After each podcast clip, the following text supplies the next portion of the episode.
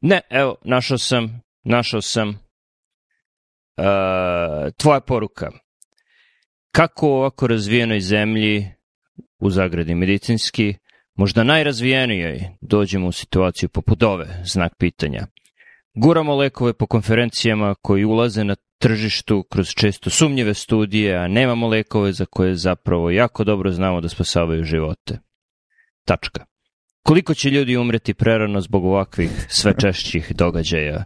Znak pitanja i sledeća poruka je screenshot um, obaveštenja da fluoruracil 5FU Uh, postoji nestašica i da tri različite firme koje ga proizvode uh, ga više ne proizvode i ne, ne daju razloge zašto zašto zašto ga trenutno nema nigde. Da, da, da, da, da. Um, dobro, malo dramatično sad zvuči kad počitaš tako tu poruku, ali mislim na neku nivou i jeste alarmantna situacija, ima da alarmantno u smislu ono žabe koje se kuo vodi, jer ovo nije ono, sve, sve toplije vodi, jer ovo nije nova situacija, ali mi je, znaš, imali smo problema sa platinom, imali smo problema uh, ovaj, e, bio leukovorin, znači bilo je više stvari u zadnjih par godina koji su bili u kritičnim na kritičko niskim zalihama i uvek se svodi na, na to da su u pitanju generički lekovi za koje ne postoji veliki profit, a koji u stvari su standardna nega za veliki broj karcinoma i onda se postavlja pitanje uh, koja je poenta da mi idemo sad po konferencijama i pričamo o ceni novih lekova i kako pokušavamo da povećamo pristup pacijenata novim lekovima, novim terapijama i kako su patient reported outcomes i sa, sa nas koje je bilo. Znači sve je bilo, veliki deo je vezan za te aspekte medicine, a onda padnemo na bazičnom testu poput toga da ne možemo da nađemo sistematsko rešenje uh, za nestašicu ili nedovoljnu proizvodnju lekova poput ovoga. Naravno, sad postoje, mislim, to je ono, teo sam da, kako se kaže, ono, benefit of a doubt, um, ali, znači, teo sam da dam da budem fair na nekom nivou, ok, možda lanci, snabdevanja, šta god, iako je COVID zatvaranje bilo pred dve, tri godine, sad već ali ni jedna kuća ne komentariše zašto nemaju dovoljno fluorocila. Znači, jel su u pitanju komponente, ili su u pitanju lanci snabdevanja, ili jednostavno u pitanju da nije profitabilno i kad su pravili kalkulacije za to koliko će praviti ove godine, možda su napravili manje, jer zbog šta god. Pa mislim da je ovo Eto, poslednje, je. zbog, zbog uh, marže. Mislim, u pitanju su generički lekovi gde E, moraš da iscediš koliko god možeš profita iz onoga što praviš, pošto ne možeš da, da naplaćaš ne znam nekoliko desetina hiljada po dozi. Tako da, da se onda pretvara u, u ono, ne znam, artikal tipa automobila ili bilo šta što se masovno proizvodi ovde i moraš na taj način da, raz, da razmišljaš i tu je, ne znam, autoindustrija uništila sve ostale industrije, su oni prvi uveli, čini mi se Toyota, ono, just in time, da ne trošiš novac na skladištenje, da ti nešto leži na lageru i da onda moraš da plaćaš skladište i to, nego da imaš jako dobar proračun kolika će ti biti potražnja ove godine i onda, i onda imaš jako malo na zalihama i ono sve što sve što proizvedeš odma distribuiraš i ove većina farmaceutskih kuća koje koje prave generičke lekove trude se da da ne drže ništa nego odma da šalju na znam, apotekama ili gde god ide na, na ovu širu distribuciju, postoje kuće koje distribuiraju le, lekove apotekama, ne, ne, ne ide direktno od proizvođača tako da one ne skladište puno, ali problem sa tim je što kad ti se, što kad ti se poveća potražnja, nemaš, do, dođe do nestašice i ako su u pitanju e, stvari koje nisu lekovi, koje nije hemoterapija, to nije toliki problem, jer ok, tih mesec, dva ili koliko to je, i manje treba da se reguliše to, ali ne znam, nema, nema automobila ili ne, malo su skuplji nego obično, ali se to niveliše u sledećih nekoliko meseci. Uh, ali kad daješ hemoterapiju, nekome treba hemoterapija sad i sad ti je mnogo vrednija nego za tri meseca, to je onda problem. I, i da, tu, je, tu, tu su znači dva problema. Prvi problem je to što moraš dobro da planiraš u sledećih godinu dana, ljudi su generalno jako loši sa planiranjem i onda znaš da će doći do perioda kada, kada ima manje nego što ti je potrebno. I druga stvar je što se na te lekove generički naročito gleda kao na svako drugo dobro i, i E, ono, tržište funkcioniše, da, ali u medicini generalno možda nije dobra ideja da funkcioniše baš sve po slobodnom tržištu, jer, jer posledice nisu iste kao za ostale stvari. Da, mislim, ok, znači na nekom možda nacionalnom nivou onda je u pitanju nemar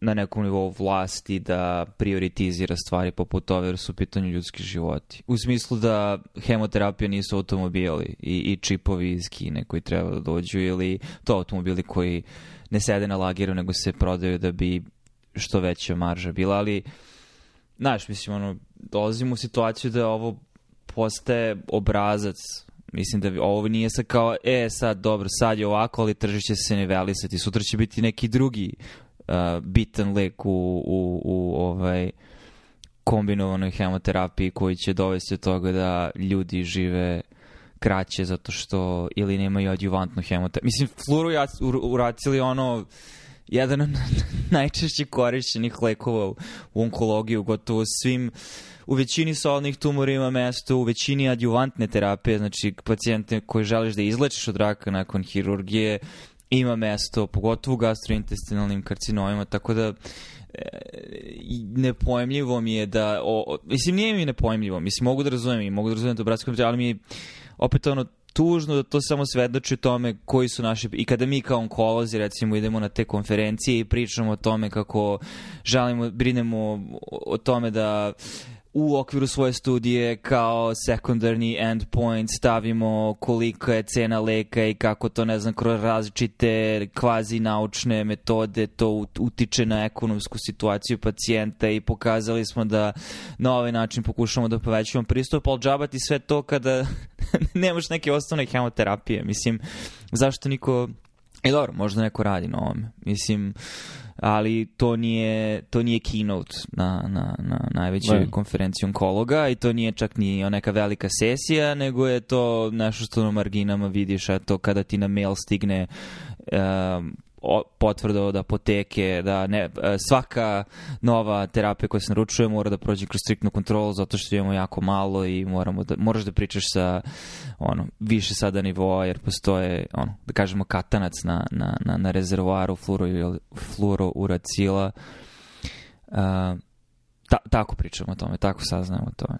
A to je, ok, to je relativno nova situacija, relativno nova, mislim, 20-30 godina gde hemoterapija ti ulazi u spisak strateški bitnih lekova i da li postoji rešenje za ovo? Postoji, kao što Amerika ima strateške rezerve nafte, kao što ima uh, ove ventilatore ili kako na srpskom zovu respiratore uh, u strateškim zalihama, kao što imaju, ne znam, Tamiflu, što ne bi trebalo, ali imaju ove infektivne, an antibakterijske, E, lekove, tako bi trebalo da imaju stratešku zalihu lekova koji su bitni i sad je pitanje koji su to lekovi, pa sad Svetska zdravstvena organizacija je pre 3-4 e, godine napravila spisak od 20 lekova koji svaka zemlja mora da ima, 20 hemoterapija koje svaka zemlja mora da ima i ono, uh, ne, nećete iznenaditi na tom spisku nije, nije osimertini bili palbocikli bili ne znam većina monoklonskih antitela. Na tom spisku su 5FU i ciklofosfamid i steroidi i u, uglavnom su citotoksični agenti. Ima, mislim, rituximab je tu i imatinib je tu, čini mi se. Dobro, sve stvari koje su stanovljene u zadnjih 20 godina. Znači, da, da. Kažem. da uh, platina, cisplatin, mislim da nije čak ni karbo ili oksali, oni su novi skupi, ali ono, po jedan citotoksični iz svake grupe koji je ono, generički, jeftin, a pokriva najveći broj uh, indikacija jer je ono pitanje, to je zanimljiva mentalna igra, ako imaš samo ne znam, 20 lekova ili samo 10 lekova i hoćeš da pokriješ što veći mogući broj tumora, tu uglavnom neće biti inhibitori tirozin kinaze, jer oni imaju usko polje delovanja. Tu sigurno neće biti immune checkpoint inhibitori, jer oni tu imaš, ono, neće, neće. Jer koji je procenat, zna se koji je procenat tumora koji, koji odgovaraju na immune checkpoint inhibitore, 15-20% svih ljudi sa karcinome. Na, najčešći karcinomi, debelo crevo i dojka, ne, ne reaguju tako da, da nećeš koristiti to, a imaš citotoksične agence koji pokrivaju sve najčešće tumore. Ti sad razmišljaš, pa da, ali neki ljudi sa metastatskim melanomom mogu da budu potpuno izlečeni immune checkpoint inhibitorima, ali koliko ljudi u svetu ima metastatski melanom i, i tako da moraš na taj način da razmišljaš. Zato kažem da je zanimljiva mentalna igra. Uh, uglavnom ima taj spisak od, ne znam, 10-20 lekova koji bi trebalo da budu u strateškim zalihama, ali ih nema. Tako da piši svom kongresmenu. Pa da, mislim da na kraju nivo, na nivou vlade to mora da se reši i da, mislim, pogotovo što investicije, hoće kažem, mislim, ako, ako hoćemo da gledamo ono low hanging fruit, znači nešto što je, ono, na niskim granama dostupno, ali ne u negativnom kontekstu, ne znam da na srpskom postoji klijent, ali znači nešto što ima najveći odnos između ceni i benefita, to je da treba da imamo ovu terapiju, jer je toliko malo košta, a toliko života uh, znamo da može da spasi, a ne da uvodimo nanolipozomalni rinotekan u prvoj liniji metastatskog uh, e, karcinoma pankreasa, zato što ta terapija košta sad, mislim da čak ne znam, pitanju su hiljade dolara svako, kao i svaka nova ovaj, po, po, po, po ciklusu. Tako da, ovaj... Da, i to je sad ono, ali... Pisat ćemo kongresmenima, pretpostavljam. Mislim, ali to je sad taj moment samo koliko mi ono, opet, da, da ne želim da budem rezigniran previše niti cinik, ali koliko su nam prioriteti a, kao lekara koji učestvujemo u samom ovome, koji se bavimo naučno-istraživačkim radom, kao zajednica, a, neko ovakve stvari su mi evidentne tome da stanje u sistemu, da sistem sam po sebi nije zdrav i, i da ima mnogo problema i da ovakve, do ovakve stvari ne bi ni trebalo da dolazi uopšte u jednoj, u jednoj razvijenoj zemlji. Mislim, da imamo nestašice, nestašice hemoterapije. Opet, ne, ne utiče na toliki broj ljudi. Ne, ne znam, tebi, je, tebi je salijentno jer si onkolog, pretpostavljam postoje, ako ćemo sad da pravimo spiskove stvari koje, koje ne funkcionišu ovde, nestašica hemoterapije nije čak ni u top 5. Sad, ti kao političar ti imaš, imaš različite stvari o kojima treba da razmišljaš, na koji način ti to dođe na spisak stvari za koje treba da se zalaže. Pa ne, ne, ne, ali u smislu na, u nivou naše zajednice, znači zajednice onkologa, um, koje očigledno ima sastanke, svoja društva i tako dalje i ima svoje prioritete, ima svoje uh, ciljeve koje onda podnosi na nacionalnom i nacionalnom planu. Mislim, mi smo u periodu moonshota i da, mislim, razumeš, rak i investicije vlade u borbi protiv raka su visoke i nastavljaju da rastu, mislim, NCI, budžet NCI-a ne opada iz godine u godinu. Tako da u tom smislu hoću, jes, mislim, karcinom jeste nacionalni prioritet sad. Naravno da ima i drugih ekonomskih problema, ali ako pričamo o javnom zdravlju ili zdravlju nacije, um, sada, a i u godinama koje dolaze, mislim, će biti sve veći sve više na toj listi spiska prioriteta. Ali mislim, naravno, ali ne mogu ja da brinem o čemu god, nestašici nekih drugih bitnih stvari, zato što nemam nikakvu predstavu o tome kako funkcionišu ti, ti sistemi. Ali ovde barem imam naznaku ili neku vrstu znanja praktičnog kroz, mislim, interakciju sa sistema, učestvovanje u sistemu, mislim, svi su mi deo, deo tog sistema na ovaj ili onaj način. Ali da, da, mislim... A, drugo moguće rešenje koje bi neko možda predložio, ja ne, je ok, ima samo tri firme koje prave 5FU i sve te tri firme imaju problema. Uh, zašto, zašto ne uvesti pet fluorovu racil iz, um, iz uh, Indije, Kine, iz drugih zemalja koje sigurno prave, mogu te reći da sigurno ne postoji nestašica fluoru racila u Indiji. Uh, šta, šta, šta misliš na, na, o, o tom rešenju? Pa dobro, ali to je opet rešenje koje ima jako veliki lag, zato što kontrola kvaliteta i kako FTA sad funkcioniše. Mislim, u smislu, to može bude jedno od dugoročnijih rešenja, a, a, aspekt svega toga, ali mislim, ne, ne možemo to sada da ostvarimo, zato što je u pitanju nivo kvaliteta koji opet, znaš, sad i to, to, to je drugi problem generalno produkcije generičkih lekova i kapiram da ćeš referencirati kako ono nije hard pill Bottle of Lies, bottle of lies. Da. da, da, da, da Da, znam da je bila neka metafora u pilule i, i on, težine. Dobro da nije red pill. Ovaj...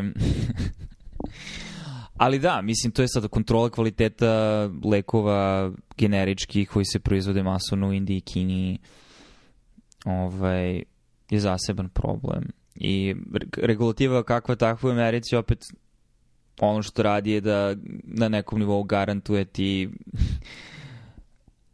sigurnosti i, i da to što jeste tu i što piše na etiketi jeste ono što ti daješ u toj koncentraciji sa odstupanjima koje su standardizovane, jasno definisane za razliku od toga da sad samo počneš da uvoziš te lekove. No. Da. A, plašim se da, da nismo sad ne, ne, ne pričam to zato što sam u industriji sad, jer nije ista industrija, nisam u farmaceutskoj industriji, um, plašim se da smo zbog ono ranih 2000 što se dešavalo sa odobravanjem generičkih lekova iz Indije pre svega, u manjoj ruci iz Kine, Uh, ljudi su zavarani uh, e, ukoliko u stvari ti lekovi koštaju, jer kažu da, ovaj isti lek u Indiji košta ono 10 centi, ovde mi naplaćaš 50 dolara. Pa da, ali kakva je kontrola kvaliteta u Indiji, kakva je kontrola kvaliteta ovde i ono pre 15-20 godina kada je taj program počeo odobravanje stranih generičkih lekova, uh, Mislim da ljudi ovdje još uvijek nisu svesni koliko je loša kontrola kvaliteta bila za lekove i koji ovde dolaze i da, bili su ono par dolara po piluli, ali ono kad sam bio resident na specijalizaciji, mislio sam šta ovi neurolozi lupetaju, naručuju samo brand name lekove, antiepileptike, kad nas uče da uvek stavi generički, to je bolje za pacijenta, jeftinije, tralala, ali kad znaš da je ono variranje koncentracije po 10, 15, 20% od lota do lota i ti ako naručiš generički lek, da, taj generički može da bude ok ako je iz iste firme, ali ne znaš da li će i sledeći put kada ti pacijent uzme, uzeti lek biti iz iste firme i onda pojma nemaš koja je koncentracija u plazmi kog, kog, kog god antiepileptika ili bilo kog leka koji ima, koji ima uski terapijski prozor, uh, onda je to problem ali je ušlo to, da, dolar za tabletu i treba da bude dolar tableta i zašto nije i onda postoji gomila lekova gde je jako kompleksna, proizvodni proces je kompleksan, skladištenje je kompleksno, kontrola kvalitete je kompleksna i ako se sve to radi u Americi, sve to skuplje, a čak i u nekoj drugoj zemlji opet će biti skupo, ne toliko kao ovde zbog cene radne snage i čega god, ali opet bit će skupo i, i onda ljudima nije prihvatljivo. Da, ne, ne ono, 100 dolara za tabletu doksiciklina, ali... ali... Uh-huh mislim, ali mislim da je to dobar primjer nečega što bi država trebalo da subvencioniše. Jer mislim, šta je to ako ne investicija u, u zdravlje nacije i duži životni vek i samim tim veću produktivnost? Mislim, koliko je produktivnosti u Americi, sad on, on ni, ti ni ja nismo ekonomisti i ono, upitno je, mislim, ali i ono, kako je industrializacija, postindustrijsko, mislim, postindustrijsko doba i globalizacija doprinala tome da da li bi ljudi koji sada zbog zdravstvenih problema problema ne mogu da doprinesu. Mislim da globalno, da su zdraviji bi mogli, ali ti možda kažeš pa dosta tih poslova on više nije ni u Americi, tako da ti ljudi pitanje, ali mislim generalno mislim da se svi možemo složiti da, da su ljudi manje gojezni, uh, zdravi, sa manje dijabetesa, manje hipertenzije, manje srčanih problema u ovoj zemlji, da bi sve ukupno mislim, situacija bila bolja i drugo manje čak i troškova onda po sam zdravstveni sistem i samim tim manje, mislim, premije osiguranja zato što su troškovi po zdravstveni sistem manji i tako dalje, tako dalje. Tako da, to mi to tom delo kao nešto što bi država trebalo da subvencioniše isto kao što subvencioniše, mislim, različite indust druge industrije, ono, poljoprivredne i tako dalje. Uh, da, kako ide sa tim subvencijama u poljoprivredi? Koji su eksternaliteti tih subvencija? Pa to je problem, uvek imaš eksternalitet subvencija, da. Ali, ko, ne znam, mislim, ali koji su eksternaliteti toga da učinimo da država može da... Uh, mislim, ne, ne, ni nemamo tu konverzaciju. Znači, to je ono, mislim, ili barem ja nisam svestan te konverzacije na nekom javnom nivou. Znači može postoje neka on NGO u DC-u koja šalje pisma i e-mailove kongresmenima koja pokušava da uradi baš to, ali ne delo mi kao da je neo neke velike debate, barem u onkologiji. Pa mislim da država već dosta subvencioniše, mislim najveći, najveći, najveća osiguravajuća kuća je Medicare, Medicaid koji je državna firma.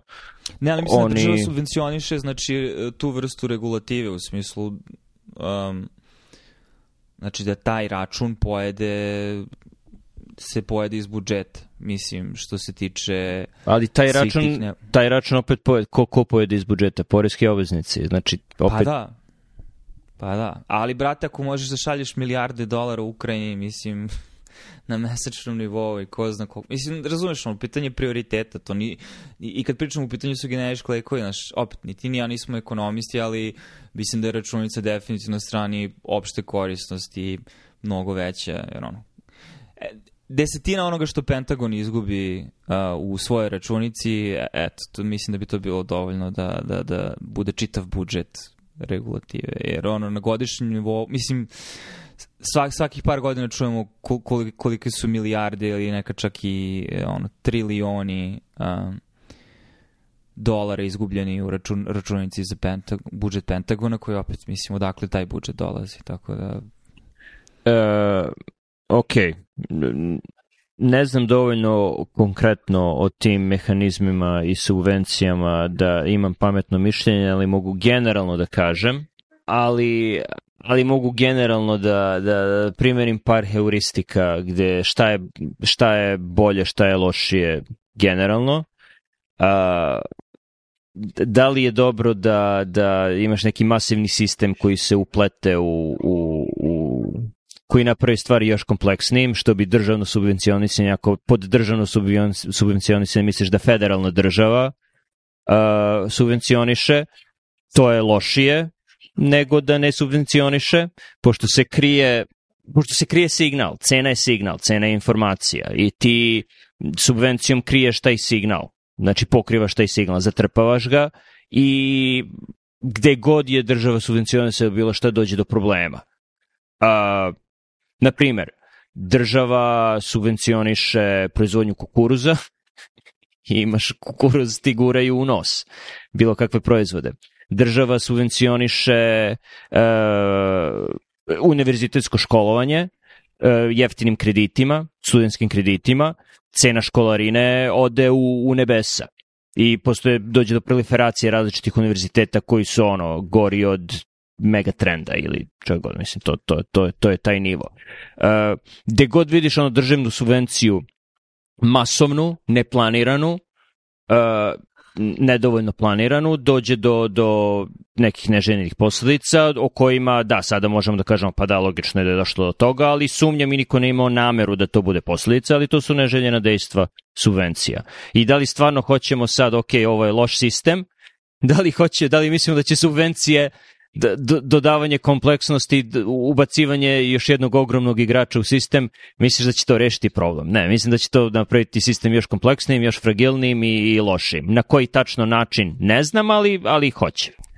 Pa da, zato što on, mislim možda da vidiš više scenarija, ono, farmaceutske kuće onda delegiraju sve na teret države, um, i onda bude još manje interesa za, za, za proizvodnju u Americi, zato što nije profitabilno i onda a, a na tržište počnu da uplivavaju male kompanije širom sveta koje žele da se utrkaju sa drugima zato što imaju jeftiniju cenu rada da donesu svoj generički lek na tržište ovde i onda pritisak. Da, mislim, mogu, mislim, mogu da im više ekstremiteta, ali opet sigurno postoji neko bolje rešenje. Mislim, jer je problem sa čitavom tim pogledamo, ok, slobodno tržište, mislim, koje je jedno rešenje? Da imamo strateške zalihe tih lekova i kada koje će država da kupi u napred, jer ono, kaže, želimo da budemo spremni da pokrijemo ovaj lek shelf life, znači ovaj lek, ono, da. rok trajanja je tri godine na, ono, minus četiri ili, ili na koliko. Ovaj, I želimo da pokrijemo recimo 200% hemoterapije, zato što je to dovoljno jeftino i onda platimo farmaceutskim kućama da nama to daju i onda I drži zaliku, imaš konstantnu zaliku, da, i, i u najgorem slučaju, mislim, lekovi koji su, ne znam, na šest meseci pred istek, možeš da daš uh, zemljama koje definitivno nemaju, nemaju, možeš da pokloniš, možeš da daš po jako niskoj ceni i to može da se računa kao humanitarna pomoć i, i imaš jedan, jedan jednu korist od toga. Mislim, zemlju u Africi i u Istočnoj Aziji. Tako da, da, da, da je to izvodljivo i to ne nekad isteknu, ali ka, koji su pred isticanjem, ali za koje znaš da postoji velika potražnja i da će se iskoristiti odmah. Tako da, da je to, mislim, ok rešenje. Da, da, da država učestvuje ne kao neko ko, ko poklanja pare, nego kao jedan od, od, od uh, partnera u tržištu.